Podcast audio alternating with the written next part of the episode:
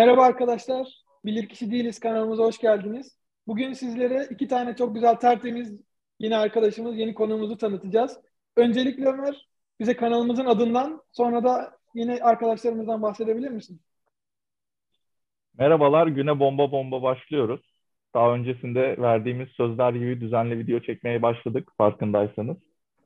Ee, bugün bomba bir programda iki arkadaşımızla beraber yapacağız. Ahmet ve Muhammed arkadaşlarımızla. 10 numara 5 yıldız zaten şey yapacaklardır.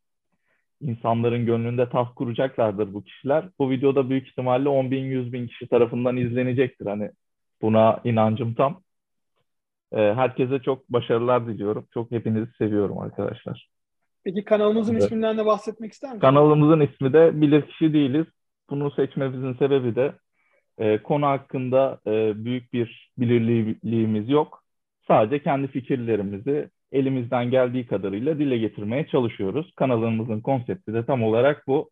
Bu kanalda genelde kitap videoları yapıyoruz, kitap incelemeleri. Yapmaya da devam edeceğiz. Belki ek konseptler yapabiliriz. Duruma göre bakacağız. Teşekkürler Ama Ömer.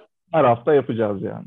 Her Teşekkürler. hafta yapıyoruz. Öncelikle bir şey düzeltmek istiyorum kitaba geçmeden önce ve arkadaşlara kendilerini tanıtmalarına müsaade etmeden önce 110 bin 100 bin falan dedin. Niye hedefi bu kadar düşük tutuyorsun onu anlayamadım. Orada birazcık şey yaptım. Güvenmiyor musun sen misafirlerimize, konuklarımıza? Her birinin kendi çapında çok bulunduğu çevrelerde Yok başlangıç olarak şimdi hani olan... bizden kaynaklı olarak düşer izlenme. Yoksa kendileri Anladım. ayrı ayrı yapsalar Anladım. apayrı peki, yani. Peki o zaman Muhammed Bey, Ahmet Bey sizler kendinizi tanıtmak ister misiniz? Ahmet Bey buyurun. Ha, ben mi tanıtayım önce kendimi? Merhaba ben Ahmet Şe. Ee, öncelikli olarak Seyit Furkan ve Ömer Bey kardeşlerime bana bu imkanı sunduğu için teşekkür ediyorum. Seyit Furkan ve Ömer Beylerin kanalıma tekrar hoş geldiniz diyorum herkese. Ee, öncelikli olarak biz Muhammed Bey ve ben ikimiz e, bu videoya bu güzel toplantıya katılma amacımız e, Ömer ve Sait Beyler bildiğiniz üzere bilir kişi değiller. Biz bilir kişiyiz. Biz bu sebepten katıldık programa. Biz de yorumlarımızı yapacağız. Onlar da yorumlarını yapacak. Bu şekilde ilerleyeceğiz. Çok verimli, çok güzel bir toplantı, çok güzel bir kitap kulübü olacağını inanıyorum bunun. Başarıların devamını diliyorum arkadaşlara. Sözü Muhammed Bey'e bırakıyorum. Teşekkür ederim Ahmet Bey. Ee, bu güzel birliktelikte umarım ki herkesin e, bilgi dağarcığı gelişmiş olacak. Ve şimdiden size diğer bölüm için bir sürpriz söyleyelim. Eğer şu anki abone sayısının iki katı abone olursa diğer program tam altı kişiyle yapılacak. Evet. Üf. Alkışlıyorum. Kanal, kanalın kaç tane abonesi var ben onu sormak istiyorum. Bugün itibariyle 115. Kanalın 200. abonesine benden bir hediye var. Onu nasıl teşhis edeceğiz şimdi bizi zor.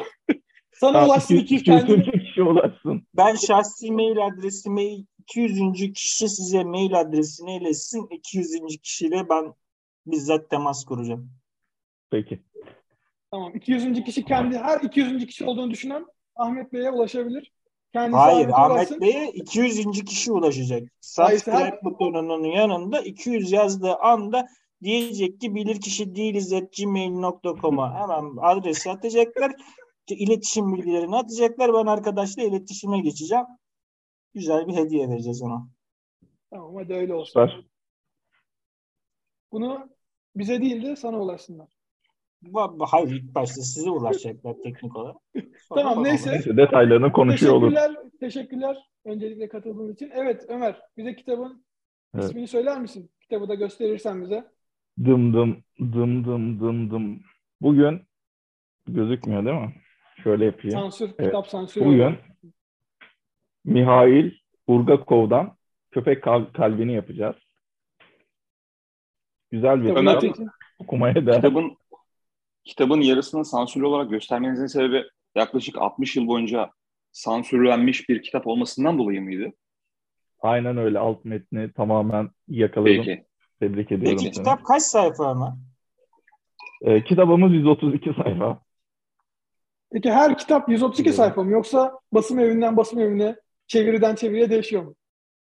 Yani Türkçesi 132 sayfa. Diğer çevirilerde de muhtemelen Ya- 3 aşağı 5 yukarı aynıdır diye tahmin ediyorum. Mesela ben iki tane farklı çeviri bir de e, yabancı dil, İngilizce olarak okudum. Bir tanesi 92 sayfaydı Türkçeden. İngilizce olarak 127 sayfaydı. Bir tane de 110 sayfalık Türkçe çeviri vardı. Ya bak bunun ama Rusçası toplamda 256 sayfa bu eseri. Hani ben- Tabii. benim Rusçam yok ama ben 256 rakamını orada okudum öyle geldi. Hı. Gördüğün gibi Ama anlam kayması olmuş olabilir şimdi bilmiyorum. Neyse. Ee, evet. Kitabımıza başlayalım. evet. Ee, ilk önce ben Mihail Bulgakov kimmiş ondan bahsedeyim. Kendisi 1891 yılında Ukrayna Kiev'de doğmuş. Ee, öğrencilik yıllarını tamamladık tamamladıktan sonra bu arada üniversiteyi tıp olarak okuyor. Daha sonrasında hekim oluyor. Bir dönem gazet, gazetecilik yapıyor kendisi.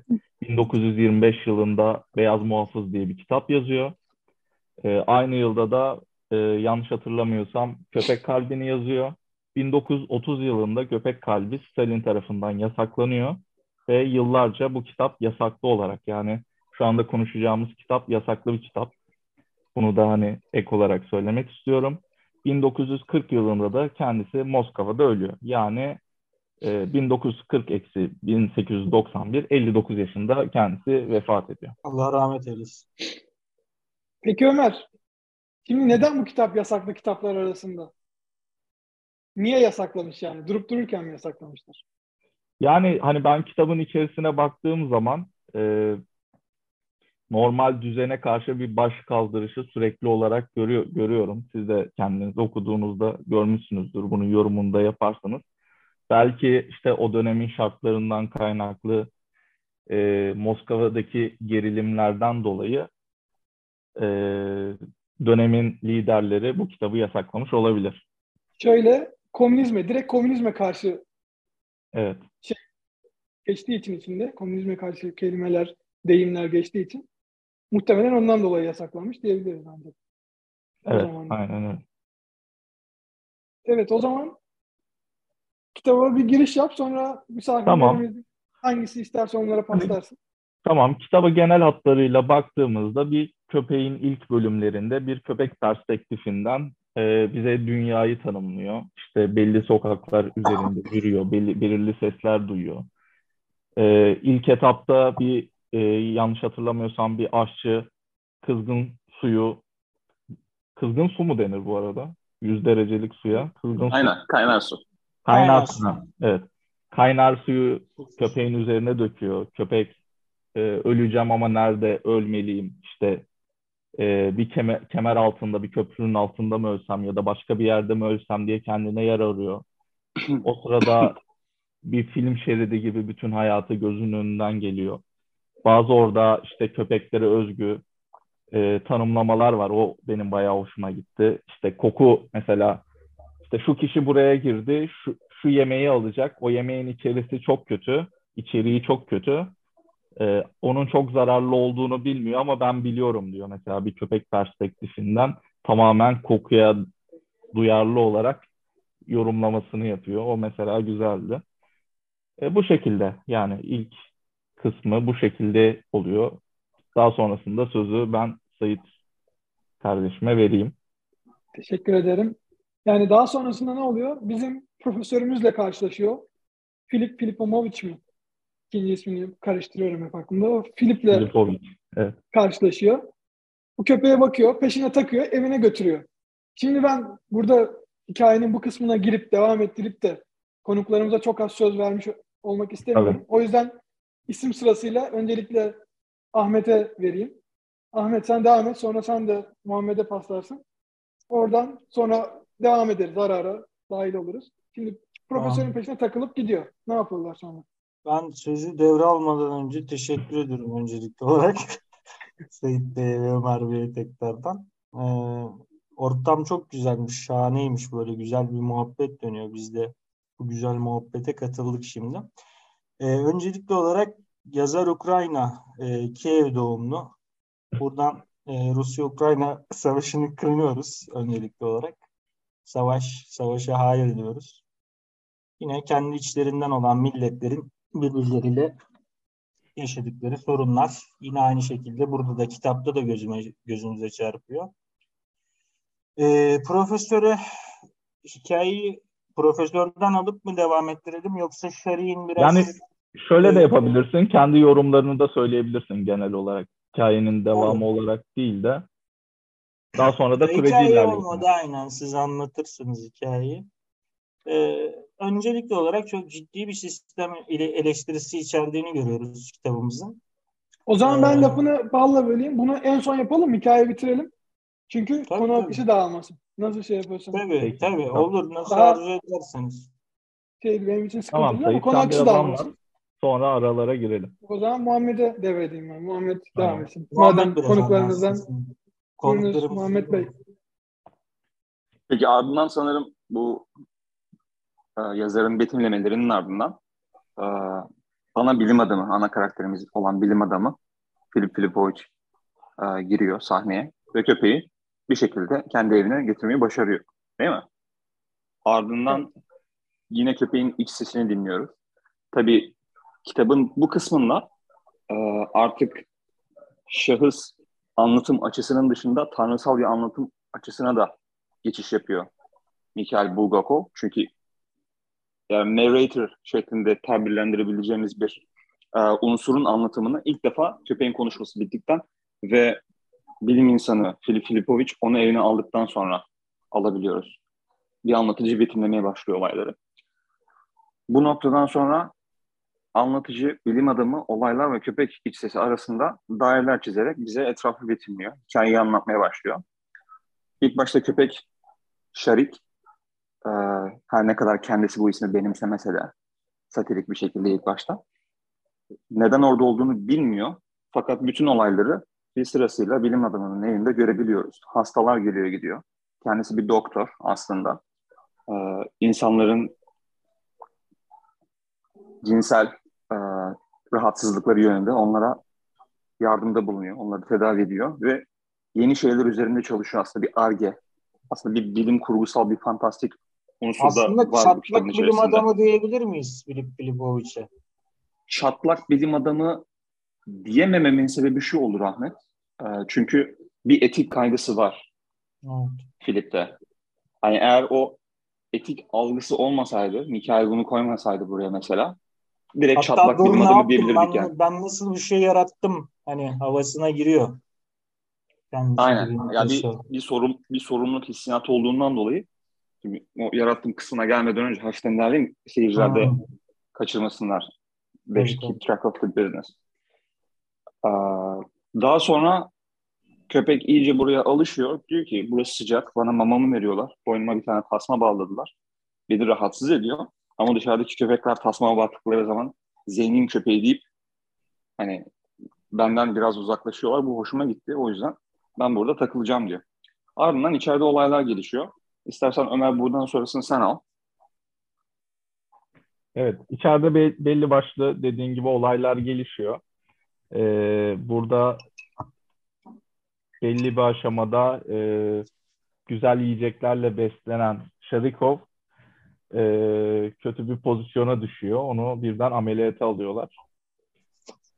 Ve kendisi de anne olduğunun farkında değil. Burada ben e, okuyucu olarak da gerçekten hani bu aşamada çok merak ettim. Yani işte e, ana karakterlerden biri işte bu Philip e, doktor başta işte besledi güzelce onunla ilgilendi ama daha sonrasında acaba kötü bir şey mi yapacak onu parçalayacak mı vesaire. Ee, aynı korkuları tabii köpekte ölmeye yakın yani ölmeye yakın demeyeyim daha doğrusu bayılmaya yakın yaşıyor.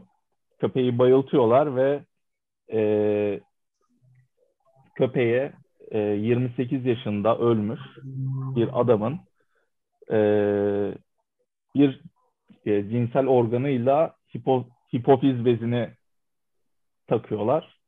Buradaki amaçların işte normalde e, Muhammed'in söylediği gibi bir ARGE çalışması yapmak. e, ve ölmesini bekliyorlar aslında. Burada şans eseri bu köpek ölmüyor ve yaşamaya devam ediyor. Bundan sonrasını Said'e bırakıyorum. Teşekkür ederim. Evet. Şimdi yaşamaya devam ediyor. Sonra böyle ağzından kelimeler çıkmaya başlıyor. İlk başta şimdi bir, bir kelimeyi ters benim okuduğum çeviride ters söylüyordu muhtemelen şeyde de öyle. Sayın Sonra Bey, düzeliyor. Şeyi Ben- soracağım size. Lafınızı balla kesiyorum Sayın Beyciğim. Şey e, hani orada e, işte hipofiz beziyle cinsel organını aldığı aldıkları adamın yani köpeğin nakil esnasında gerçekleşen o hadisede o insanın özelliklerini de aslında alıyor değil mi? Hani biraz Yani o evet. insanın özelliklerinden de kapıyor. Evet. Hani bizim oraya yoldaş şerik. evet oraya geleceğiz şimdi. Oraya geliyor. Öncelikle o insanın özelliklerini söyleyelim o zaman. Sen buraya girdin. O Evet. insan nasıl bir Evet. insanmış? Kötü suç işleyen böyle alkolik bir tane adam. Hırsızlık hırsızlık geçmişi olan alkolik bir adamı sonra bıçaklanarak ölüyor sanırım bir tartışmada. Bıçaklanarak ölüyor. Sonra bunların yanına geliyor öldükten birkaç saat sonra. Organlarını alıp köpeğe naklediyorlar hipofiz beziyle, hipofiz beziyle birlikte. Sonra köpek başlıyor. Bir bakıyorlar köpek ölmüyor. Ve konuşmaya başlıyor köpek. Yavaş yavaş. ilk başta böyle anlamıyorlar ne yapıyor ne diyor derken konuşmaya başlıyor. Sonra bir bakıyorlar köpek arka ayakları üstünde kalkmaya başlıyor. İnsani özellikler kazanmaya başlıyor. Belli bölgelerdeki kılları dökülüyor. Sadece insan insanlarda bulunan belli kılları kalmaya başlıyor.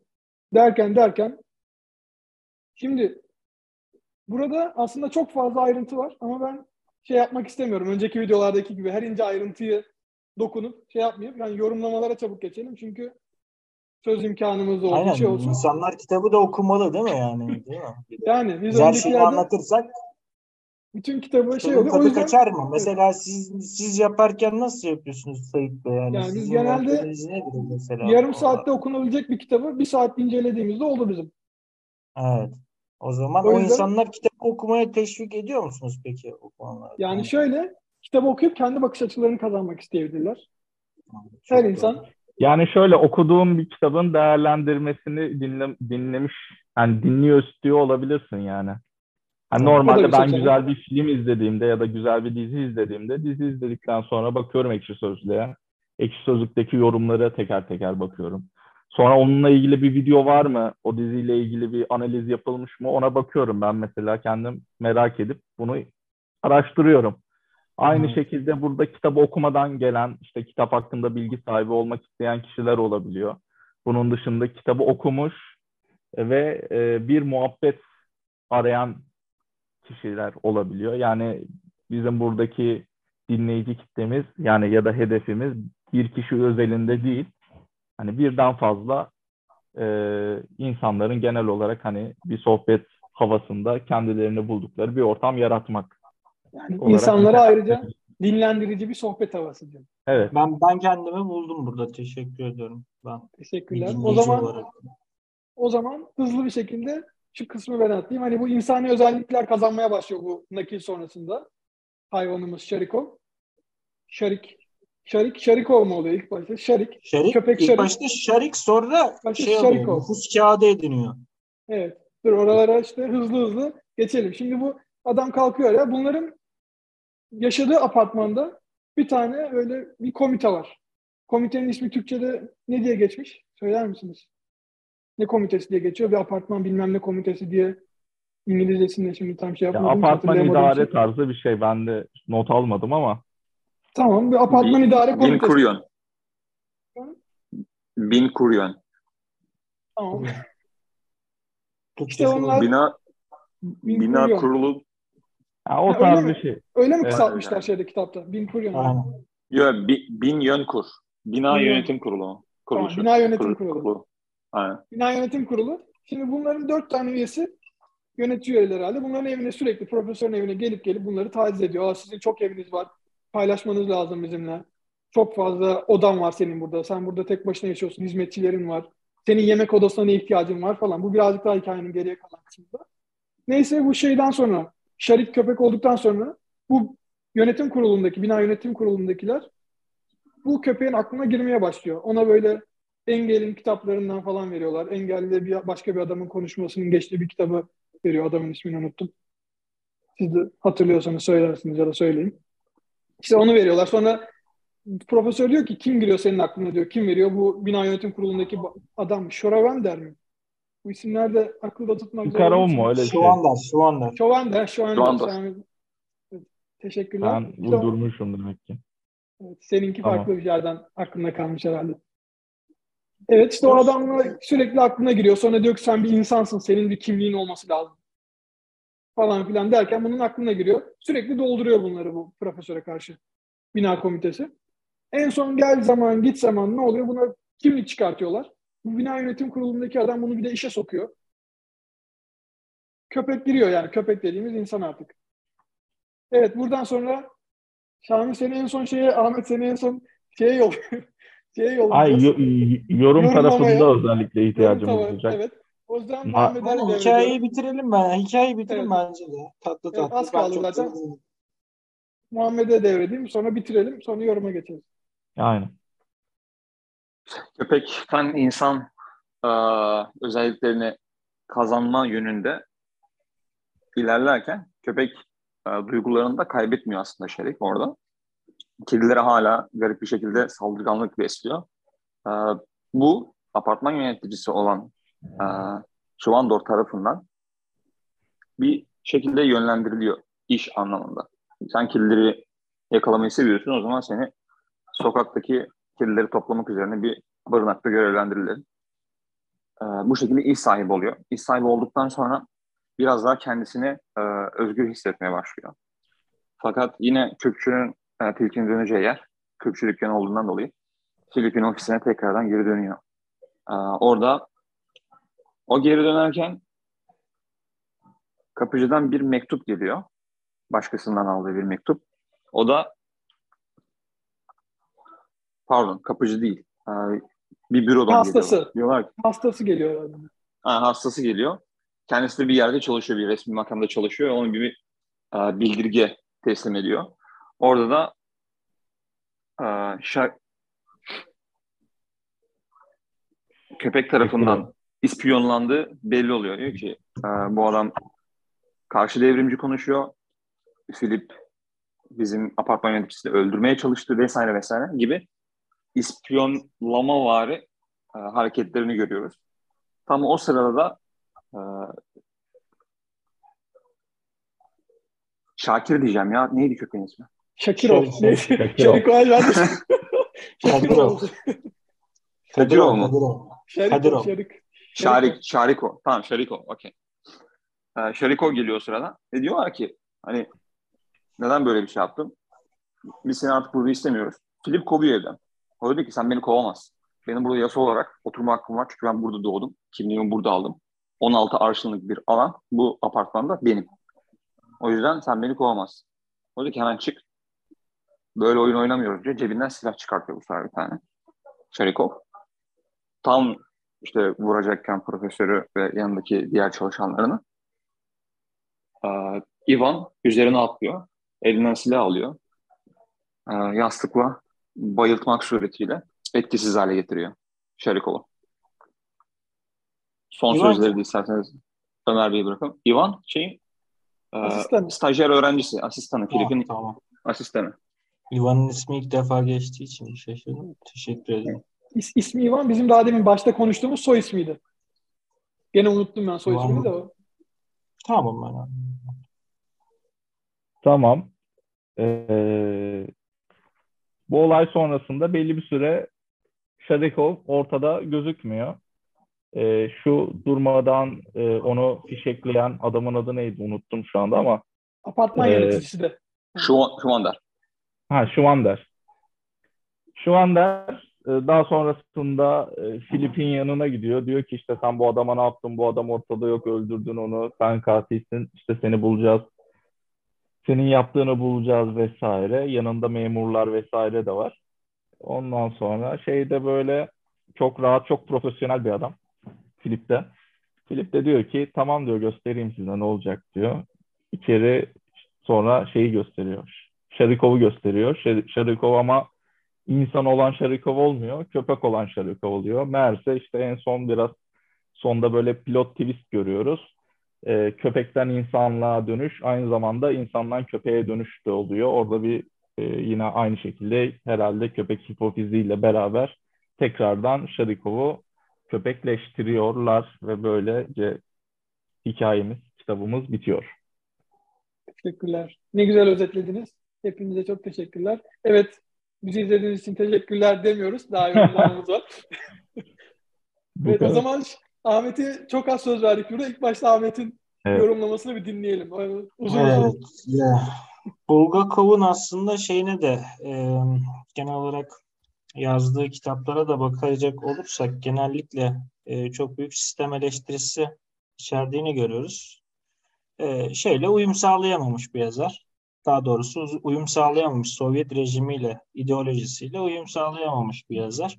Zaten tüm kitaplarında bunun aslında eleştirilerini görüyoruz. Aynı zamanda... Ahmet Bey, Ahmet Bey ben bir şey sorabilir miyim? Tabii buyurun sorun. Komünistlik tırt mıdır sizce?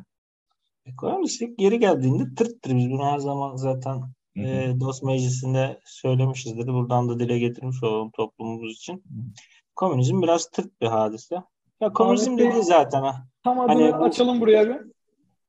E, komünizm şeyi değil aslında idare sosyalizm. Hani işte Sovyet'in Sovyetlerin kuruluşu, işte e, sosyal devlet, mülkiyetin işte genel olarak yani aslında birazcık daha komünizmin e, daha soslandırılmış, biraz daha yenidir yutulur cinsten bir hale getirilmiş haline sosyalizm diyoruz aslında. E, sosyalizmin yani komünist rejimin ya da e, komünizm düşüncesinin birey toplumu ne ölçüde değiştirdiğini, dönüştürdüğünü e, biz bu kitap aracılığıyla yoğun bir e, hicivle beraber görüyoruz. Zaten Bulgakov'un diğer eserlerinde de bunu görüyoruz. İşte e, Usta ve Margarita var tavsiye edebileceğimiz buradan. Yine Ölümcül Yumurtalar var. E, bunlara genel olarak Bulgakov e, genel hani yapısı itibariyle de yazım tekniği itibariyle de biraz bilim kurgu öğelerini, bilimsel öğeleri soslandırarak çok güzel bir sistem eleştirisi yapıyor genelde kitaplarında. Zaten genel olarak kitapların bildiğim kadarıyla benim tamamının yasaklı. E, Sovyetlerde yasaklı bir yazar e, Bulgakov. Peki diğer kitapları ee, okuduğunuz için lafınızı böleyim. Diğer, bu kitapta mesela doktor olmasının etkisini görebiliyoruz. Hani tabii, tabii. kendisinin de diğer kitaplarında da böyle mi? Karakterleri, ölümcül baş yumurtalarda da ölümcül yumurtalarda da e, o şekilde bir anlatım var. E, yine aynı şekilde ölümcül yumurtalarda da bir hani bilim kurgu tarzında bir deney havasında geçiyor. Deneyin yanlış sonuçlanmasıyla işte ortalığın karışması falan. Bu gibi hadiseler. E, o devamında yine e, Bulgakov'un e, biz ben daha çok genel hani e, sistem eleştirisi üzerinden ilerleyeceğim zaten yorumlarımı. E, Bulgakov genel olarak sosyalizmi çok ciddi olarak eleştiriyor. Fakat bu e, salt bir sosyalizm e, sosyalizm karşıtlığı da içermiyor. E, geçmişe yönelik eleştirileri de var. Çarlık Rusyası dönemine yönelik eleştirileri de var. Bunu yeri geliyor Şarik'in elinden, geri geliyor e, Profesör Filip Filipovic'in ağzından da duyuyoruz. E, hani bu noktada Rusya'nın kendi geldiği yeri e, hani geldiği yeri oldukça kötü görürken önceki dönemi de aslında övmüyor. Hani bu noktada kendi içerisinde tutarlı ve e, tutarlı ve objektif bir tavır izlediğini görebiliyoruz yazarın.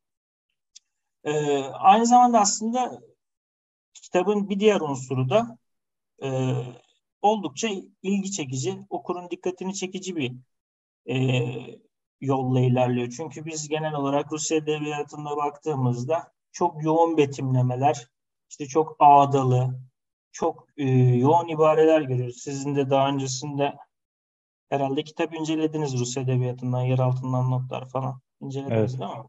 Kanalımızın sıkı takipçisi olduğu belli. Evet, çok sıkı bir takipçinizim bu arada. Ee, biz genelde yoğun betimlemeler gördük. Hep bildik işte to, e, Tolstoy, Do, Dostoyevski bu hattaki yazarlardan, Turgenev'den yine aynı şekilde. Ya biz burada şeyi görmüyoruz. Şu aslında hikaye kurgusu çok net ilerliyor burada. Çok daha hızlı ilerleyen bir olay döngüsü var. Biz Şerik'in ağzından ilk başta bir köpeğin ağzından e, hikayeyi duymaya, işitmeye başlıyoruz. Ortam tasvirini bize aslında hızlı bir şekilde, net bir şekilde bir köpeğin e, bakış açısından Şarik bize tanımlıyor. Arkasından yine işte Muhammed Bey de onu ifade etti. Sonra yeniden tanrısal bakış açısına geçtiğinde şey yaptığında asıl bizi aslında son olarak çok da fazla uzatmadan lafa e, Şarik'le doktorumuzun, profesörümüzün atışmalarında çok ciddi şeyleri de görüyoruz. Hani bir tarafta işte yeni yaratılan bir elitist tabaka Şarik özelinde. Şarik'le şahsiyetleştirilmiş. İşte yeni Sovyetlerin aslında kaba sava, hiçbir şey bilmeyen, e, hiçbir şekilde aslında bir yetkinliği, yeteneği olmayan kişilerin makama ve konuma getirildiğinde ne gibi zararlar içerebileceğini de toplum için görüyoruz. Şerik ne yapıyor burada? Kedilerin boğazını sıkmakla meşgul. En sevdiği iş olan zaten. Daha önce kitapta da bundan bahsediyor. Ya aslında hani işin ehli olmayan kişilerin e, yoğun bir şekilde başta tutulduğu zaten Sovyetlerin de işte genelde en büyük eleştirisi o. İşte başlar ayak oldu, ayakları baş falan tarzında. E, bunun çok ciddi bir eleştirisini görüyoruz. Zaten sonunda işte doktorun başına da bela açıyor ve sonunda da kendisi de tekrar bir köpekliğe dönüş yolunda ilerliyor. Bence güzel bir kitap, okunası bir kitap. Ee, hani herkesin çoluk çocuk demeden, yaşlı demeden bol bol alıp okuyabileceği bir yazardır aynı zamanda Bulgakov. Benim de şahsen çok sevdiğim, keyif aldığım bir yazardır. Ben kendisini buradan tebrik ediyorum. Allah'tan rahmet diliyorum kendisine. Yakınlarına ve sevenlerine başsağlığı diliyorum. Teşekkür ediyorum. Peki ben sana lafı bırakmadan önce şunları söyleyeyim. Bazı olay, bazı yerlerde hani bu sistem eleştirisi falan var dedin ama bizim profesörümüz çok fazla geniş çevresi olduğu için, yüksek mevkide hastaları olduğu için bu kendisine gelecek problemlerden sürekli bir şekilde kurtuldu. Kendisine bir haber geldi. Onu evden çıkartmaya çalıştılar ya da evini küçültmeye çalıştılar. Birisini hemen telefonla aradı. Bak beni böyle yapmaya çalışıyorlar. Emin misin? Ben o zaman buradan taşınırım diye tehdit etti. Sonra en son bir polise şikayet ettiklerinde o apartman yöneticisi ona şikayet edildiğini, ona daha polisler gelmeden önce mektupla haberi geldi. Gibi gibi. Aslında bak, bak burada şu, şu da var. Yine aslında so, bu sefer Bulgakov kendi eliyle de eleştirilerine devam ediyor. Yeterince gücünüz varsa diyor aslında toplumda yeterince söz sahibiyseniz ve belli ölçüde kendinize e, kendiniz toplumda bir yer edinmişseniz malla, parayla, mülkle, bilimle her neyse siz yine kendinizi kurtarırsınız. Buna getiriyor aslında Bulgakov lafı. Evet. Hani Hepsi... aslında Sovyet Sovyet işte herkes eşit bölüşeceğiz, eşit şey yapacağız. Eyvallah. Bunu görünürde uyguluyorlar. Görünürde yani her uyguluyorlar. şey aslında diye bir söz var ya. işte herkes eşittir ama bazıları daha eşittir diye. Aynen. O, okudu, orvala, okuduğumuz orvala, bir kitaptan okuduğumuz bir kitaptan çarpmış gibi geldi Ömer bu sözü. Hangi kitap Ömer o? Buradan da ekle Ömer buraya şeyi. Hayvan çiftliği tamam. kitabımızı. Yok yorumlara yazılsın. Tamam yorumlara ben ne söyledim abi. ben ya? İşte bir şeyler hani burada burada bir şeyler yapıyor sonuç olarak. Ya yani bu burada hani e, eşitlerin hani mutlak eşitliğin olmadığından zaten gerçekleştirilemeyeceğinden aslında e, Filipov, Filipovic'in dediğim gibi bütün zorluklardan, sıkıntılardan bir şekilde atlatmasıyla görüyoruz. E, o yüzden aslında yeni rejimin e, kendi ülkeleri için, kendi toplumları için ne kadar olumsuz bir şey olduğunu her açıdan göstermeye çalışıyor bu noktada. Teşekkürler. O noktaya da şey yapmak, değinmen için sordum soruyu. Teşekkür ederim güzel cevabın için. O zaman diğer konuğumuz Muhammed Bey'e mi söz aktaralım?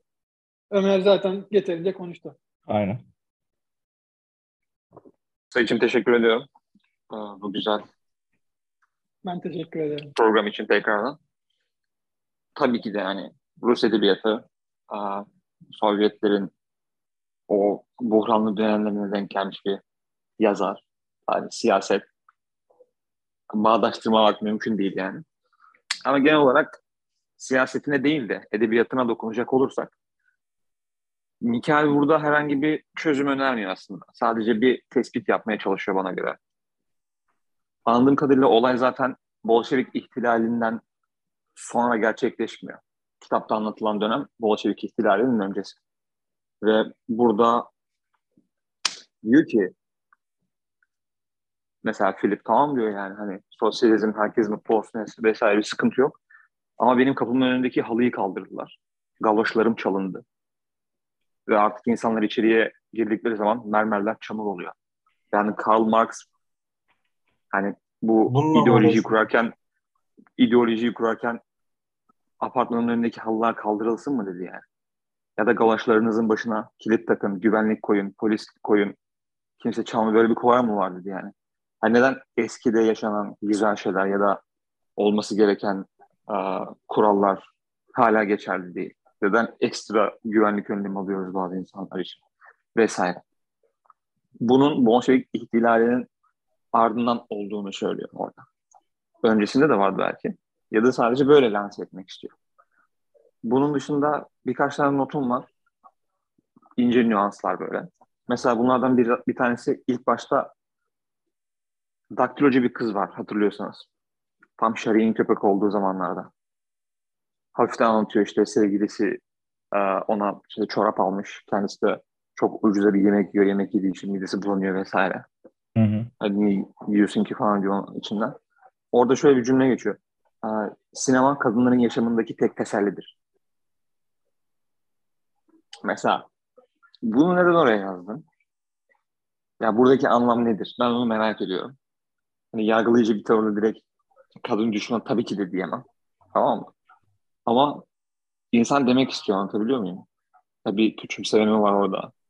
Ee, farklı bir eşitsizlik Dönemin Moskova'sına Sankt Petersburg'una bakmak lazım. Toplumun evet. sanatla, sepetle iştigal ettiği en önemli ortamlar nelerdir diye düşünecek olursak orada bir kendi içimizde bir e, düşünce şeyimizi yapalım. Kitap yaygın mıdır? Yaygındır muhtemelen değil mi? Kitap, gazete, dergiler bunlar yaygındır ama hani görsel sanatlar itibariyle tiyatro birinci seçenektir. İkinci seçenek de muhtemelen yeni çıkan ve popüler olan ki o dönemde popülerliğini arttırmaya başlıyor. Sinemanın aktif olarak kuruluşu 1910'lar 15'ler devamında hızla ilerliyor. 20'ler 30'lar zaten hızla ilerlediği bir dönem toplumlar içerisine de karışmaya başladı. Sinemanı, sinemayı iyice toplum tarafından benimsendiği bir dönem. Bu anlamda hani zaten diğer Rus e, edebiyatındaki eserlere bak bakacak olursanız burada şeyi de görürüz. Hani e, çok gelenekselleşmiş kalıp hani kalıp olarak alabileceğimiz belli şeyler vardır. Ne, nedir mesela 1800 yıllar Rusya'sına gittiğimizde Dostoyevski veya da Tolstoy'un işte e, güzel işte bridge kulüpleri veyahut e, e, çok güzel balo salonlarında insanların işte balo yaptığı, Fransızca konuştuğu, hani temel olarak Fransızca konuşulan bir dünya tasavvur ediliyor Rusya Rusya'nın bakış açısıyla. Buradaki işte hanım hanımcık kadınlar kesinlikle işte şu marka kolonyayı sürünür. İşte şu renkte giyinir, şöyle yapılır, böyle yapılır. Bu betimlemelerden biz bunu fazlasıyla görüyoruz. Ben aslında orada senin dediğin lafa gelecek olursak hani sinemada ya bu bir kalıpsallaştırma var hani özellikle Rusya'da Rus kadınların betimlerken de böyle bir kalıp e, kalıplaştırma stereotip hikayesi var bence dediğin gibi. Ya bu da mesela o dönemin çok yaygın bir inanışı olabilir. Buna kesin bir veri olarak e, yaklaşamıyorum ama ya çok yaygın bir şekilde o dönemde sinema popüler. Kadınların işte en büyük heyecanlandığı şey yazarlar gözünden diyelim e, sinemaya gitmek algısı gibi bir şey olabilir. Buna Böyle bir yani, durum da olabilir mi? Yazarın kadın çevresi de olmuyor olabilir mi? Belki bir iki tane kadın tanıyor. Onlar çevresinde Onlar bütün kadınlar böyle diyor. Işte, aynen öyle. yani öyle o da olabilir şimdi. O da olabilir tabii ki de. Ee, aha, sinemadan ziyade bir varlığın tek tesellisi belirtiliyor burada ve e, kullanılan terim kadın. Kadınların tek tesellisi.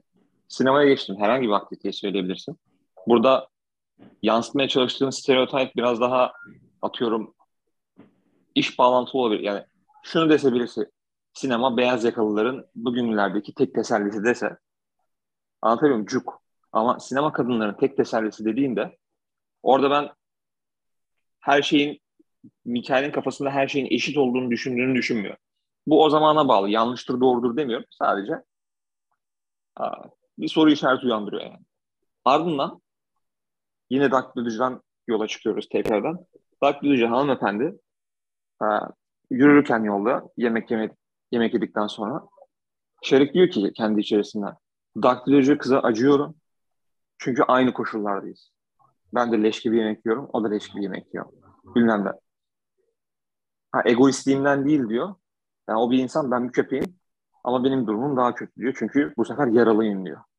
Hani orada köpek haliyle daktilocu bir insanla kendisini eşitliyor. Yani eşitiz diyor. Ben daktilocu bir insanla eşitim şu anda çünkü o da iğrenç yemek yiyor, ben de iğrenç yemek yiyorum. Ben de işte diğer insanlardan azar istiyorum, o da diğer insanlardan azar istiyor. Ben de bağımlıyım, o da bağımlı. Bazı şeylere. Sen biraz daktilocu Kapitalist- herhalde bir kurulmuşsun. Bir, ona kurulmuş, ona bir şey yapmış. Burada da kapitalizm eleştirisi mi yapıyor yoksa? Siz zaten kölelik, düze- kölelik düzeni devam ediyor diyor.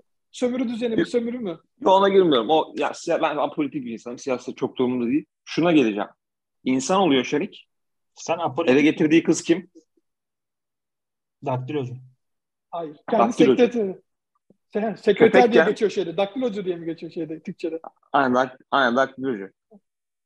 Eğer köpekken kendini ona eşit gören, gör, görürsen insan olduğunda normalde ne beklersin? Ha, artık ben insanım abi. Ben daha fazla işte atıyorum elit takılacağım ya da yani Mikael orada da onu vuruyor. Köpekken de ona kendini özdeşleştirdi. İnsan oldu. Yine gitti daktilocuyu aldı. Buradan hala köpek olduğunu düşünebilirsin. Hani beyni var, konuşabiliyor, carttır curttu.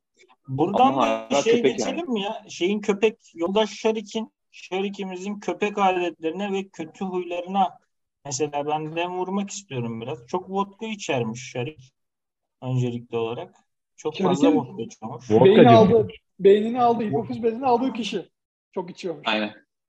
Ya tamam işte hani Şarikov olduktan sonra diyorum. Hani Evet. Şarikov oluyor ya.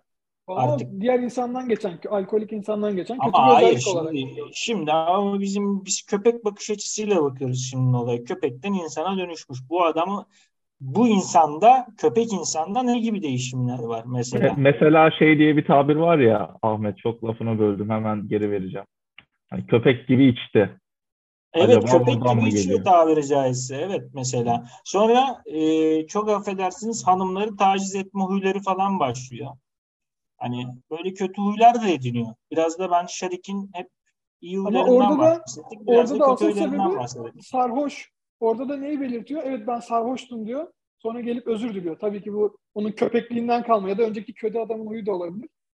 Ama burada yani bir ara şey diyor, profesör bir şey Ama diyor. bak Biz, şu an biz Seyit Beyciğim sen, dakika. sen biraz çok övüyorsunuz şu an. Şarik'i çok övdüğünü düşünüyorum. Hayır. Bence Şarik, Şarik, Şarik kötü huylu bir yaratık. ona, ona ben hemfikiriz. Şarik, Şarik en kötü karakter kitapta. İnsanları Şerik böyle kötü köpekken yapması- çok iyi.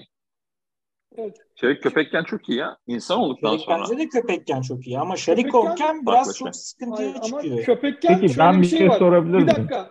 Bir dakika lafımı bölmüyorum. Bir dakika. Şunu- bana herkes konuştu ben konuşmadım. Tamam. Şaka bir yana. Evet. Şöyle köpekken de aslında o kadar iyi biri değil. Şöyle bir düşünce geçiyor kafasından. İnsanlara diyor ben benden korkanları havlıyorum, korkutuyorum. Ama bakıyorum karşıda cesur biri varsa onları havlamıyorum. Onların üstüne gitmiyorum diyor. Hatta Hani orada da bir- ısırmak ne kadar zevkli olur bunu diyor mesela. Hani bana Evet. korkarak bakıyor diyor. Hani işte evet Değil yani bu güçsüz Şarik de, bulduğunu Şarik de köpekken de bir sıkıntı var aslında evet, değil mi? köpekken de güçsüz bulduğunu ezmeye yönelik bir yönelimi var. Güçlüye itaat, Evet. güçsüzü ezme.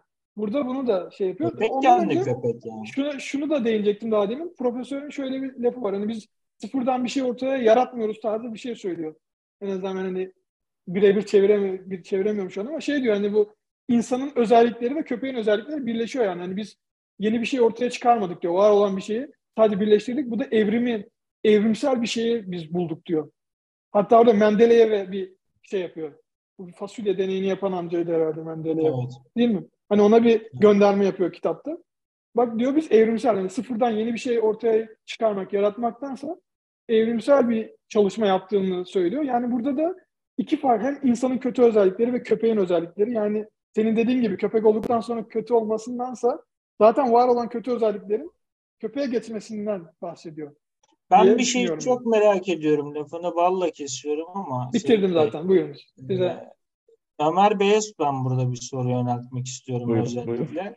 Ben e, Şerik'in, Şerikov olduktan sonra yani insan olduktan sonra bir hanımefendiye bir cinsel saldırı yapıyor mesela. Bu hikayeyi evet. bize anlatabilir misiniz?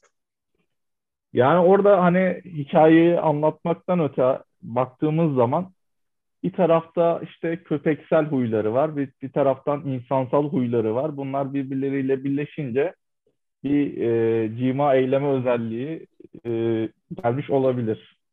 Bu peki bunu peki bunu köpeksel özelliğiyle mi yapıyor, insansal özelliğiyle mi yapıyor?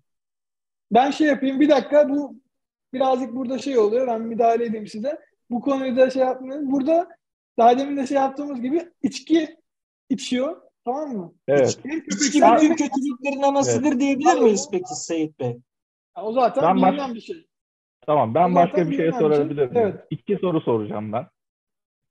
Birincisi e, köpek insanı mısınız, kedi insanı mısınız? Eğer tek seçenek buysa belki hani köpek insanı da kedi insanı da değilse insan olmuyor muyuz yani? İkisini de ikisinin insanı da değilse. Ya hayır Bence seçmek zorunda değilsin. Değildir. Ama seçme şansın olsa ne sevmeyen bir insan insan değil. Bir dakika. Şey karıştı. ya köpeği sevecek ya kediyi diyorsun. Zorunlu olacak. Aynen yani iki seçenek var. Bu birazcık böyle filmlerde gördüğümü hani daha demin Şahin dedi ya stereotip. Tek tipleştirmeye bizi tek tipleştirmeye mi çalışıyorsun Ömer? Neden bizi tek tipleştirmeye doğru götürüyorsun? Bu sorularınla işte, kitap da tam olarak bunu eleştiriyor. Onu anlatıyorum. Neyse ikinci soruma geliyorum. İkinci sorumu Muhammed kardeşime soruyorum. Ee, bizim kendi evlerimizde evcil hayvanlarımız yok ama Muhammed'in var. Ee, Muhammed kendi evcil hayvanı olan kedisini bu şekilde bir şey e, operasyona geçirtme şansı olsaydı geçirtir miydi? Ee, onunla bu şekilde yaşamak ister miydi diye bir sorun var. Kendisinin kedisi var. Yani şöyle kitapta da olduğu gibi bilmiyorum ben okurken şöyle köpekken hiç yargılamadım onu. Köpekken ne yapıyorsa yapsın. Çünkü bu onun düşünüp karar verebileceği bir şey değil. Tamamen doğasında var. İç sesini duyuyoruz. Ama Şerek insanlaştıktan sonra yaptığı bütün hareketleri yargıladım ben. Bilmiyorum siz de aynı duyguyu hissettiniz mi ama Şerek doğru yapıyorsun, Şerek yanlış yapıyorsun. Hikayeyi nasıl yazmışsın bu adamı şeklinde. Adıyorum benim kelimenin ismi Jesse. Şu an yaptığı hiçbir hareketi yargılamıyorum. Çünkü o bir kedi, o bir hayvan. Tabii ki de belli bir ölçüde bilişsel e, kapasitesi var zihninde gerçekleşen. Ama evdeki bardağı devirmiş, kabloyu kemirmiş vesaire. Ben bunları yargılayamam. Çünkü onu alırken bunları yapabileceğini bilerek alıyorum. Ama hipofiz vezi ve er vezlerini kiminle değiştireceğimin sorusunun dışında bir bilinç, insan vari bir bilinç. Ne değiştirirdin peki Muhammed Bey? Yani öncelikle değiştirmezdim. Ama değiştirmen gerekseydi nasıl bir insanın hipofiz ve er bezleriyle değiştirirdin? Bir ünlü de olabilir yani. Ya muhtemelen elektronik Mesela, müzik yapan bir insan olsun. Hipofiz bezini alır mı? Yok, Kıvanç Tatlıtuğ'un hipofiz bezini almam. Solomon'un falan alırdım. Solomon olur. Solomon. olur. Kitapta Spinoza'dan falan bahsediyordu mesela. Spinoza'nın beynine bu işlemi yapıp onu bir hayvana aktarmaktan. Kediyi, ben kediyi bir noktada etrafta stres yaratmayan, anlatabiliyor Sakin, takılan bir varlık olduğu için alıyorum. Bilgi edinmek istesem kendimi bir kütüphane kurardım. Ee, daha stresim olsun bir şeyle uğraşmak isteyeyim desem çocuk yapardım. Anlatabiliyor muyum? Zaten hali hazırda bir amaç için var olan bir şeyi farklı bir şeye dönüştürmek benim için çok anlamlı olmaz. O yüzden bu dediklerinizi okay. muhtemelen yapmam. Tamam. Müsaadenle soruyu farklı bir şekilde sorabilir miyim şimdi? Diyelim ki Allah tabii, korusun tabii, hani tabii. ölümcül bir sadece sana değil herkese ama sen de cevap ver. İlk sen şey olduğu için sana hepinizden cevap bekliyorum. Şimdi ölümcül bir hastalığınız oldu diyelim Allah korusun. Yani öyle bir şey olmasın tabii de. Ve size şöyle bir seçenek sunuluyor.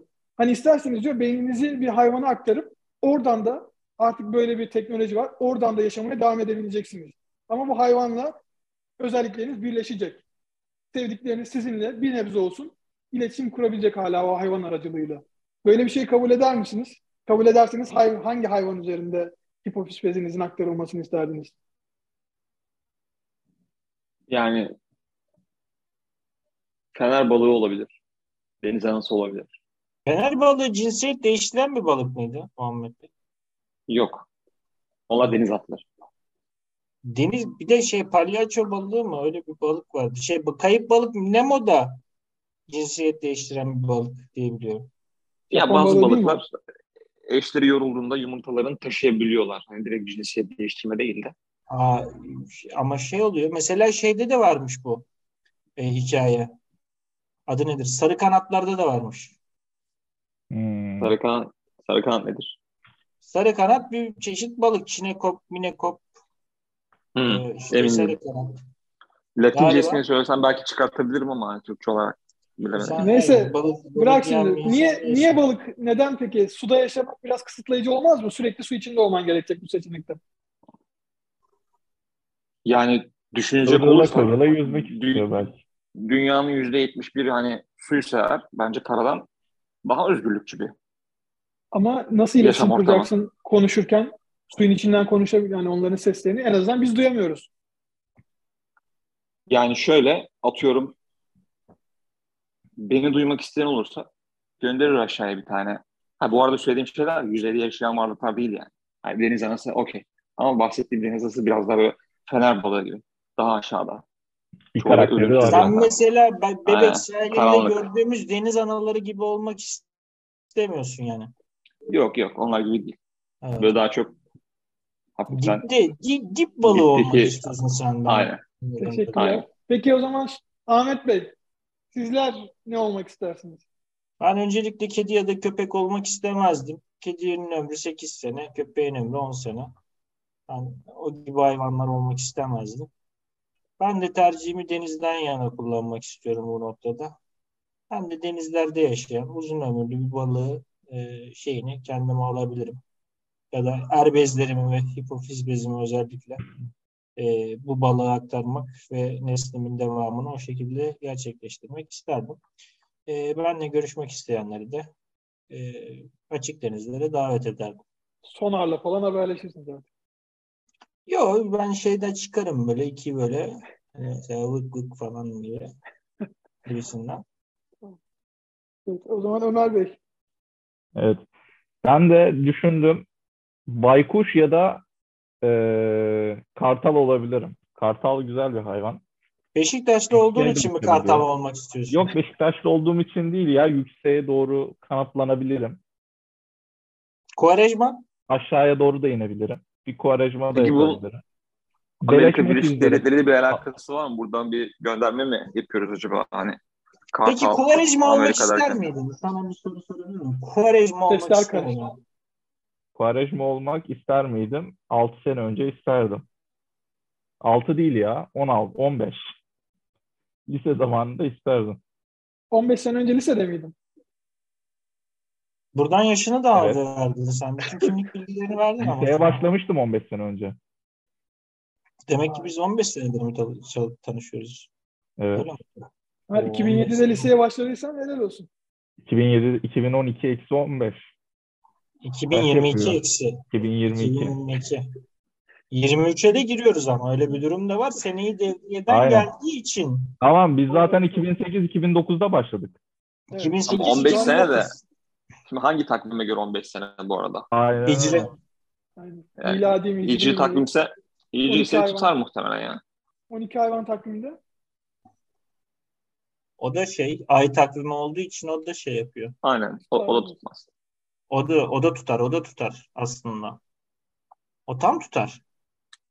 Yok be. Çünkü 12 hayvan o- takvimi ay takvimi on- mi? Onlar tabii tabii. Aydan gelmiyor mu? Ben güneşte biliyorum. Ne? Yani. Bir dakika Zodyak'tan mı alıyorlardı onlar? Neyden alıyorlardı? Ha, burçlardan mı alıyorlardı? İşte mesela işte at burcu, işte yılan burcu, domuz burcu. Şey Evet. bu Çin'in takvimi de o şekildeydi ya. Ömer O zaman şey yapalım. onları. Güvenli güvenli bir şekilde seyircilerimizin de aklına soru kalmaması ama Mars'ta anlaşalım. Bundan sonra Mars olarak bilinsin. Mars'a göre Mars as, olarak? asla tutmuyor. Yani Ha, tuttukları takvimin Evet. asla Evet. Mars, Mars. ya. Bir dakika ya. Mam- Ömer'in Bir yaşı dakika kaç? ben benim buradan- bir şey bir, şey- bir şeyi yapmak istiyorum. Bir dakika. Bir hayır. Mars Güneş'in Tabii. etrafında kaç ayda bir dönüyor? Şey yapıyor. Tam tur atıyor. Bu bilgiyi biliyor muyuz? Elimizde bu bilgi var mı? Bu bilgi Ömer 4 şimdi sene Google'dan, civarı olması lazım. Ömer Google'dan açtı gözlerinden yansımasını Aynen. görebilirsiniz. Ömer'in gözleri parlıyor. Ne kadarmış bakalım. 687 Dünya Günü. Tamam Yok, 687 Dünya Günü tamam bizim için yeterli bir gün. Yani işte ortalama 5-6 senedir biz beraberiz. Mars günü, Mars yolunda. Ya evet tamam hadi 15 demeyelim de 14-13 diyelim ya. Çok önemli değil. 14. 14 diyelim Peki Ömer'in on dört. 28 yaşında olduğu konusunda ne düşünüyorsunuz? gerçeği. Evet. Ömer Üzücü değil mi bu 28, arada? Ömer bir dakika. Ömer 28 yaşında mı 29 yaşından mı gün alıyor? 28 Ya, şu an. Hani 29 Öncelikle ben şunu söyleyeyim. Gün alma diye bir şey tamamen bizim kendi toplumumuzun uydurduğu bir şeydir bence. Gün alma diye bir şey yoktur. Bütün platformlarda kendi doğum tarihinizi yazarsanız 28 alma olarak ay- değil de normal yaşın çıkar. 28 yıl 8 ay 15 günlük sen sen 28 yaşında mısındır? 28 29 yaşından gün almış mısın? Y- 28 yaşındasındır. Bütün platformlar tarafından da böylesindir. Bunun aksinin iddia edilmesi gerçekten ben şey buluyorum. Ben Ömer'e katılıyorum. Neyse Garip bu konu buluyorum. şimdi kitap hakkında ben size başka bir şey sormak istiyorum. Teşekkürler. Arada çok güzel muhabbetleriniz ve renk kattığınız şeye programımıza. Hadi görüşürüz sizi. Şaka. Şimdi kitaba kaç puan veriyorsunuz? Kaç Evet. üzerinden? 10. 10 üzerinden verebilirsiniz. Ya da A'dan F'e kadar bir puanlama sistemi. Yok, yok, veya- 10 10 üzerinden üzerinden veriyorum. versen şey olsun. Ben 10 üzerinden 9,5 veririm. Hani bir Bulgakov hayranlığı var zaten. Tamam. Evet bende var. Muhammed. Yani temiz, güzel e, e, atıflarla dolu. Öyle aman aman bir plotu yoksa yani hikaye. Yani Franz Kafka'nın dönüşümünden çok da bir farkı yok aslında. Çok e, Muhammed. Bey'in ben burada sözünü kesmek istiyorum da 130 sayfalık bir kitaptan ne bekliyor acaba kendisi? Kaç puan vereceğini Fanatiklik.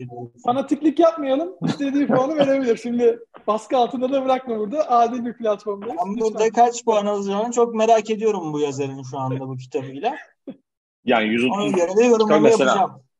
Albert Camus'den atıyorum yabancıyı okuduğunuz zaman çok da yani muhtemelen daha kısa bir kitap ama anlattığı şeyler dağları aşar yani. Ben, Örnek ben, verecek olursak. ki ben mesela İbrahim Tatlıses'in Kim Bu Gözlerindeki yabancı sözünde çok daha derin anlamlar görüyorum Albert Camus'un yabancı eserinden mesela. Olabilir. İbrahim? Tatlıses'e seviyesine kimse ulaşamadı şu ana kadar. O doğrudur. Ona bir şey diyemem. Bir kitap yazsın hemen okuyalım. Anlatabiliyor muyum? Biz de yorumumuzu yaparız onunla ilgili. Ama kitaba yorum verecek olursam 7 diyelim. Şamil arkadaşımızı kırmayalım burada Ahmet Bey'i. Hayır öyle O bir yüzden- şey yok. 7 7 bence Yedi çok diyelim. düşük bir not. Evet neyse Tamam. ben diğer Polemik- arkadaşlarım başka. Polemik yapma. tamam. Gayet güzel. Evet. Gayet- Ben de ben de 8,5 veriyorum. Çok düşündüm 9 mu versem diye. Şamil'in korkusundan- 8,5'a indirdim. Ben Şamil'in korkusundan 8.5 verdim gibi geliyor bana ama. Yok yok 9 verecektim normalde de daha sonra 8,5'a indirdim. Muhammed e, çok güzel bir şekilde açıkladı. Gerçekten beni belli noktalarda ikna etti. Ben de niye 8,5 verdim? Yani bence öncelikle çok güzel, tertemiz bir kitap. Herkesin okuması gereken. Hedef kitlenin de bunda hani sizin de yorumlarınızı bekliyorum burada. Hedef kitlenin de gayet e, lise lise üstü seviyesinde hatta yetişkinleri de içeren e, bir kitle olması, genel bir kitleye e, güzel şeyler aşılayabilmesi açısından gayet yeterli bir kitap olduğunu düşünüyorum. E, bir buçuk puanı niye kırdım? Aslında bir yarım puanı şundan dolayı kırdım. Yani bu benim hoşuma gitmiyor. Diğer insanların hoşuna gidiyor ama işte süreç içerisinde de konuşmuştuk. Bir başta köpek perspek- perspektifinden konuşuyorduk. Bence on numaraydı. Sonra bir işte tanrı bakış açısı, sonra bilmem ne bakış açısı falan. Yani oradaki atlamalar beni biraz rahatsız etti. Belki hani daha iyi yapılabilirdi demeyeyim. Tamam adam çok iyi iyi yani mu- muhteşem yani. Ama işte ben bir tık orada bir şey oldum. Bir yarım puan oradan bir gitti. Bir puanı da hani çok hani iyi biliyorum gibi de gözükeyim diye de bir puanı da kendim kırdım. Yani kimse mükemmel değildir deyip kırdın yani değil mi? Puan? Aynen. Yani tamam teşekkürler. Ben de yedi buçuk gibi bir puan verebilirim. Hani ben de Şamil'in ufak bir beklentisini karşılayamamış olabilirim burada bir yüzü düştü birazcık ama ya genel olarak çok güzel hoşuma giden bir kitaptı. Ama benim hani ona koyduğum kitaplar skalasıyla hani bütün kitaplarla karşılaştırdığımız zaman tabii Çok özür dilerim. Sait Bey senin ona koyduğun kitap hangisi? bu bana kalsın diyormuşum. Mesela Ali Fuat Başkin'in gençlerle gençlerle baş başa kitabını ona koyarım. Çok güzel. Ne anlatıyor mesela Ali Fuat? Ya Onu da Videomuz var bunun. Bunun hakkında videomuz var. Zaten Peki gençlerle baş başa mı kalıyor? Ne, ne gibi bir şey yapıyor? Ne yapıyor orada mesela? Hani Şey. Din'de ne var mesela? şey değil sen sordun söyledim. İstiyorsan sana o kitabı da anlatırız ama bu bu konu Çıkar göster. konusunun dışında. Pe- Peki Eğer bir ki dakika. bir sen çok merak çok ediyorsanız-. Çok, Çok merak özür diliyorum. Sen bu kitaba yedi buçuk verdin. Diğer bir onluk kitabını söyle. Gençlerle baş başa. Tamam hadi. Biz bilmiyoruz. başka onu. onluk kitabın var mı? Başka onluk kitabım düşünüyorum. Başka onluk kitabım olmayabilir bu arada. Şu anda benim Sadece yani Ali Fuat Sapan'ın- Başkil gençlerle baş başa mı? Yani çünkü şöyle ben bu kitabı okuduğum zaman ben kendimi hissettiğim şeyleri hani seni bir tetiklemesi tamam bu kitapta mesela o kadar nasıl bir hissiyat verdi sana o kitap? Yani harekete geçmeni dürtüyor. Seni bir dürtüyor. Harekete geçmeni sebep oluyor. Bir şeylerin yanlış olduğunu karar getirebiliyorsun o kitabı okuduğunda. En azından Peki ben bu de bir hissettikleri roman mıydı? bunlardı. Hayır bu daha çok bir kendi deneyimlerini aktardı. Makale de Gençlere ya. tavsiye. Ya belki Yani zevkle oku- alakalı bir şey oldu. Yani hayır yok bu şey de değil. Hayır. Bu şey sıkıntı da değil. Yani 7.5 kötü bir puan da değil bu arada. Yev'in Yedi ba- buçuk verenleri buradan çok Türgen kınıyorum. Yev'in babalar ve oğullarına ya 7 ya 8 vermişimdir mesela. Tam hatırlamıyorum. O yüzden hani yani ona Seyit Bey ve Muhammed Bey'i buradan çok kınıyorum. Kendilerini kınıyorum. Yedi buçuk değil. Bu kitabın gerçek hakkı dokuz, dokuz buçuk. on. Hani. peki senin ona sen böyle şey yaptın. Senin, senin ona koyduğun başka kitap nedir? 10. Benim, benim ona koyduğum kitaplar yoktur. En yüksek bir dokuz buçuk verin. Ee, Peki başka bir tane başka eşit 9.5 verdiğin bir kitap söyler misin bize? Dokuz buçukluk çok güzel kitaplarım var mesela. Stefan Zweig'ın şeyi var. Acımak var. Ama acımak değil. Benim okuduğum versiyon Reşat Nuri, o Reşat Nuri Güntekin'dir. Acımak. Yok hayır hayır. Reşat Nuri Güntekin ölümsüz eseri değil kendisi. Ee, ondan sonra neler var? Siddhartha var. Siddhartha güzeldir. Hermann Hesse'nin kitapları güzeldir. Bozkır Kurdu güzeldir. Ee, şey var mesela yakın dönemden ne var?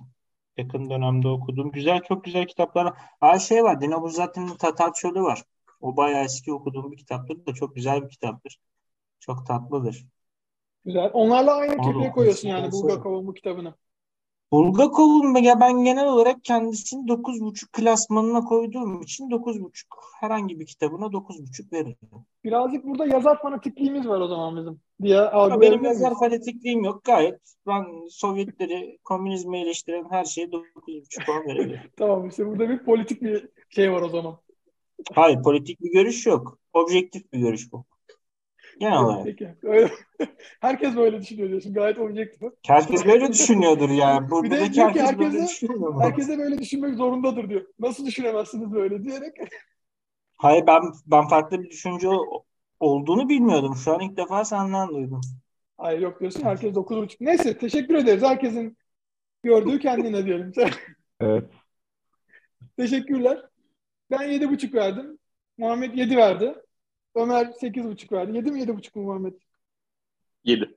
7. Ahmet de Ahmet'in hakkını. 9.5. Teşekkürler. Yani bu güzel bir kitap bence. Ortalamayı alsak bir 8, 7.5'tan 8 falan çıkıyor. Senin de gönlün olsun. Hadi 8.5 olsun ortalamamız şu an Ahmet. Yani daha ne olsun? Yani benim gönlümün olacağı rakamı ben biraz önce beyan ettim. Kitabın Ne- Mikhail Bulgakov e, bu kitabında 9.5'u hak etmiştir. E, 9.5 aşağısı Minot kendisini de mezarında ters döndürür. Bu nedenden ötürü kendisine Allah rahmet eylesin diyoruz tekrardan. Ve 9.5'unu veriyoruz kendisine. Aynen. Anladım. Teşekkürler sana. Ben de şunu söyleyeyim. Ben de kitabı bu herkese öneririm bu arada. Özellikle hani herkes demeyeyim lise ve üstü seviyesi.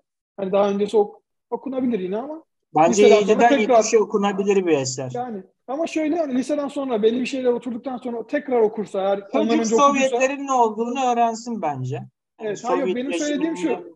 daha önceden okuduysa eğer tekrar hani ba- bazı şeyler kafasına oturduktan sonra tekrar okuması faydalı olabilir. O yüzden liseden sonra okusa Yani şimdi çok daha hayır, So- Sovyetlerin ne olduğunu öğrenebileceğimiz bir kitap değil ama. Değil mi? Kesinlikle Evet. öğrenebilir Değil buradan. yani. Çocuğun kafasında bir Sovyetler imajı çizilir burada. Bence Evet. çok önemli Aslında- bir çok önemli bir diğer kazanımdır bir çocuk Muhammed için. güzel bir noktaya değindi. Kitabı okumadan önce bilgisi olması lazım ki eleştiriyi anlasın. Yoksa bir eleştiriyi Sen anlayamaz. mesela anlamadın galiba Sovyetler eleştirisini burada. Hadi öyle olsun. Senin gönlünü senin gönlün için anlamadım diyelim. Senin canın sağ olsun. Peki şu, şöyle, şöyle diyelim o zaman ben de bir soru sorayım size. Eleştiride karakterleri e, dönemdeki hangi kavramlarla bağdaştırıyor mesela? Yani karakterleri taşları yerlerine oturtacak olursanız ya da mevkilere hangi karakter hangi mevkide ya da hangi karakter hangi sınıfa ait diye bir şema çizecek olsanız kimi nereye koyardınız? Ahmet Bey sizden başlayabiliriz. Kendisi gayet iyi anlamış olarak. Öncelikli olarak hani aslında burada Bolşevik Menşevik ayrımı gibi bir şey de olabilir bu. Mesela tipik bir Bolşevik Kızıllardan olarak görebileceğimiz kişi burada Şerikov. Şerik kişisi. Aslında doktor hem düzenin yeni düzenden de memnun değil, eski düzenden de çok memnun değil. Bunları biraz da Menşevik, beyaz Ruslar olarak da tanımlayabileceğimiz kefeye koyabiliriz bunun e, doktoru. Ha, doktorun hani e, sistemle sıkıntılı olduğunu net bir şekilde biliyoruz. Ama önceki sisteme de çok taraftar olmadığını anlayabiliyoruz kitaptan. Hani biraz daha Troçkist diyebiliriz doktor. Troçki vari böyle bir kafası var. Ee, diğer unsurlar zaten işte tipik e, bina yönetim kurulu e, falan onların hepsi Sovyetlerin unsurlarını barındırıyor. Zaten aslında eski Çarlık Rusyası'nın da Şarik'in o daktilocu kız hikayesindeki e, şeyde de e, aslında toplumun çeşitli kastlara bölündüğünü görebiliyoruz. İşte kötü lahana çorbasıyla rezil kepaze bir halde beslenen işte kişiler de var. İşte nispeten durumu iyi olan ona göre beslenen kişiler de var falan filan. Bu şekilde bir ayrım yapılıyor. Peki Ahmet Bey, burada dediniz ki Ömer Bey. Bolşevik. Menşevik, Bolşevik bir saniye burada bir soru Ah- Ahmet Bey'e yöneltmek istiyorum. Menşevik, Bolşevik dediniz. Şimdi burada kitapta profesöre bazı yerlerde sanki o bir burjuva sınıfına dahil, üst sınıfa dahil ve diğerleri de bir proletaryaymış gibi ve profesörün de proletaryaya karşı olduğuna dair söylemler var. Şimdi sen burada Evet. bu ayrımı yaptığın zaman o zaman bizim bu apartman yönetimimiz proletarya mı oluyor? Ya da bizim profesörümüz burjuva sınıfına dahil bir insan mı oluyor? Senin bu yaptığın ayrımda. Ya ben burada bir ayrım net bir ayrım yapmıyorum. Çünkü doktor çok şey değil, net değil. Ya doktor mesela tam bir beyaz Rus da değil mesela. Hani işte bir beyaz Ruslar olarak ayrılıyorlar. İşte şey yapıyorlar ya e, Sovyetlerin şey kurulma sürecinde. E, tam olarak öyle bir ayrımda da değil doktor. Ya doktor aslında daha çok daha insan, daha hümanist şey yapıyor. Zaten ama bunu da yapmasının sebebi daha elitist bir pozisyonda olması, toplum tarafından tanınan, bilinen, saygı duyulan bir pozisyonda olması ve görülmesi aslında. Peki, teşekkürler. Rica ederim. yani Ömer'e, Ömer'e... Buyur buyur. Sen Ömer daha demin Ömer'e, arada. yönlendiriyordun ya o yüzden. Varsa söyleyeceğin Aynen, Bey ben de Ömer'e söyleyeyim. Ömer'e yönlendirecek. Yani hani genel olarak genel hatlarıyla ben baktığımda gene, bir, bir, bir tarafta işte biraz daha bütüncül işte komünist elimizdeki işte malı paylaşalım yok yedi odalı ev yedi odalı ev olmaz işte bunu e, bir odasını bize vereceksin vesaire gibi durumlar. Diğer tarafta e, komünist taraf yani yani burada elitizm elitizmle aslında komünistlik bir yerde çarpışıyor bu burjuvaziyle. Burada hani e, daha çok burjuva tarafı bu işin. Tabii ki doktor, doktor tarafları. Diğer tarafta biraz daha işte elimizdekini paylaşalım muhabbeti yapanlar. Ama işte buradaki olay e, gerçekten e, herkese eşit olarak bir dağılım söz konusu olmalı mı diye bir soru işaretimiz var burada. E, bu da tabii ki hani yoruma açık. Genel olarak evet. bu şekilde bir yorum yapabilirim. Sayın Bey. Teşekkürler. Ben zaten hani daha demin kısaca Şamil'e, Ahmet Bey'e sorumu yöneltirken Hı-hı. söylemiştim. Neyse. Okay. Yani düşündüğüm şeylerde hani bu Burjuva yani doktorumuz Ömer'in dediği gibi Burjuva sınıfını temsil ediyor. Diğer büyük kısım diğer geriye kalanlar da işçi sınıfını, proletaryatı şey, temsil ediyor aslında. Hani burada ve doktorun da Burjuva'ya dahil olduğunda hani yüksek seviyedeki insanları tanımasından da hani bundan da bahsetmiştik. Çok fazla yerden sistemden kaçabildiğini, sistemin dışına çıkıp sistemin kurallarının dışına çıkıp kendini kurtarabildiğini de çoğu yerde gördük. Hani yani burada aslında dediği gibi hani Ahmet Bey'in dediği gibi burada Burjuva'ya da bir eleştiri var aslında doktor üzerinden. Bence. Tabii ki de. Ee, şu açıdan e, vurdu bana da. Yani doktoru direkt e, bir Bolşevik ya da Menşevik ya bir burjuvazi olarak göremiyorum yaptığı eleştirilerden dolayı. Ki özellikle kendisi de hizmet sınıfı diyebileceğimiz bir noktada. Sadece bazı ayrıcalıkları var. Adam doktor. Ee, her gün insanlara hizmet vermek zorunda. İnsanları tedavi ediyor. Tabii bunu özel yollarla yaptığından dolayı biraz daha ayrıcalığı var. Direkt sorunun cevabı olarak düşünecek olursak şöyle düşünüyorum. Devrim analojisi yapılıyorsa bu kitapta buradaki devrim olan şey köpeğin insana dönüştürülmesi atıyorum ihtilali ameliyat olarak görürseniz bu doktorun yapmak istediği bir şey. Aslında olması gereken şey. Bizim bir sonraki adamımız ya da bir gelişimimiz bu olarak görüyor. Kendisi burjuvadır ya da çalışan kesim olarak görüyordur kendini ya da elitist olarak görüyordur. Ama bir değişim olması gerektiğini farkında ve bunun için adımlar atıyor. Fakat sıkıntı ne? Biraz acele ve çok fazla düşünülmemiş. Köpek buna hazır mı? böyle bir işlem yapıyoruz. Mesela ihtilalin hmm. beklentisi proletaryada çok farklıydı. Tamam mı? Ama nasıl gerçekleşti? Atıyorum adam sadece işten eve evden işe gelirken bir anda kendisine farklı haklar tanındı. Bir anda kendisini toplumun üst sınıfındaymış gibi gördü. Direkt dadandığı şey alkol, rahatlık, hırsızlık gibi gibi. Çünkü güçlendiğini hissetti. Ve ahlaki korunma olmadan bunların hepsini yaptığı zaman sistem zaten yavaş yavaş kendi içerisinde çökmeye başladı yani. Hem etik anlamında hem toplumsal anlamda. Köpek hazır değildi. Köpeğe verdikleri umut, hipofiz bezi, er bezi artık neden bahsediyorsan. Onlar da yeterince olgunlaşmış değildi yani. Hazır değildi. Yani hani eleştiri güzel. Bir çözüm üretmiyor ama.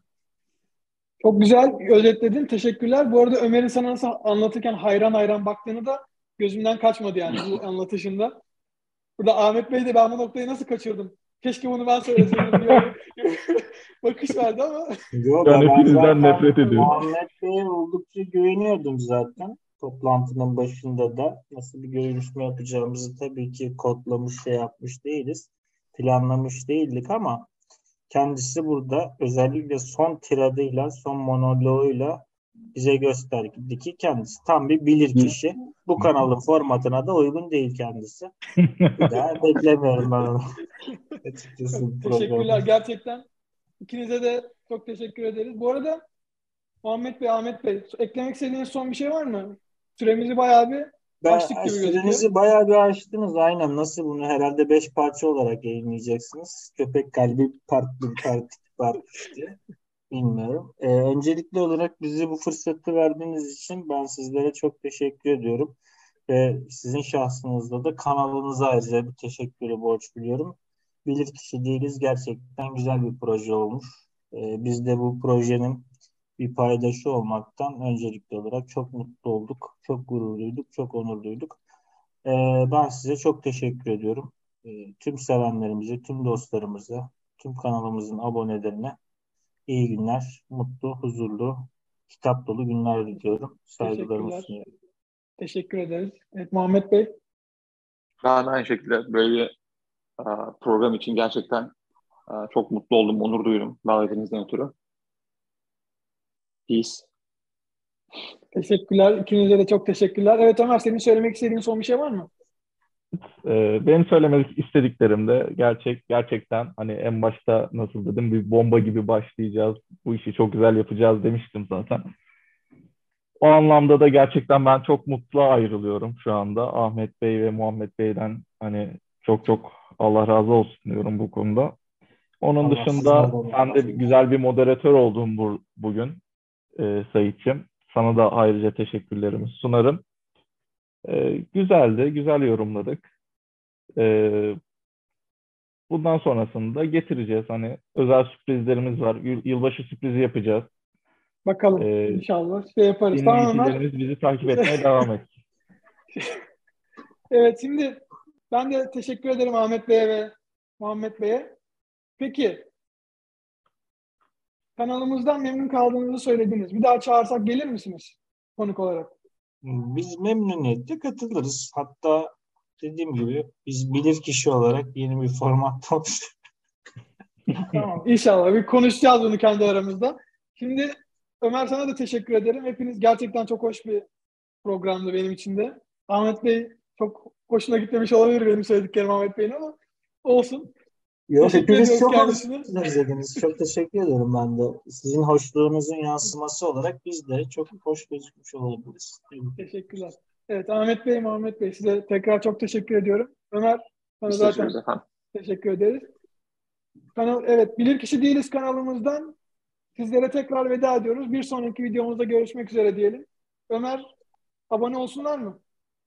Evet, abone olun. 1000 aboneden sonra 3 kişiye kitap veriyoruz. Hadi Buradan Yolunda- de veriyorum. kişi, 200. kişi de benimle iletişime geçsin. Listem Aynen. Bu, söz, bu sözleri kendi veren arkadaşlara ulaşın. Çünkü ben onun tespitinde kim 200 kim bil- bilmiyorum ama belki sosyal medya üzerinden farklı şeyler yapabiliriz. Evet. Kitap hani YouTube, sosyal YouTube Instagram üzerinden 200. 200. abonemize YouTube üzerinden benim özel şahsi bir hediyem olacak. Birinci Tamam. kişiye de 3 kitap var. Bilginiz olsun. Teşekkürler. O zaman 10 bininci sonraki- kişiye de Kapadokya turu muhabbeti. Neyse. Tamam hadi bunu konuşuruz şimdi.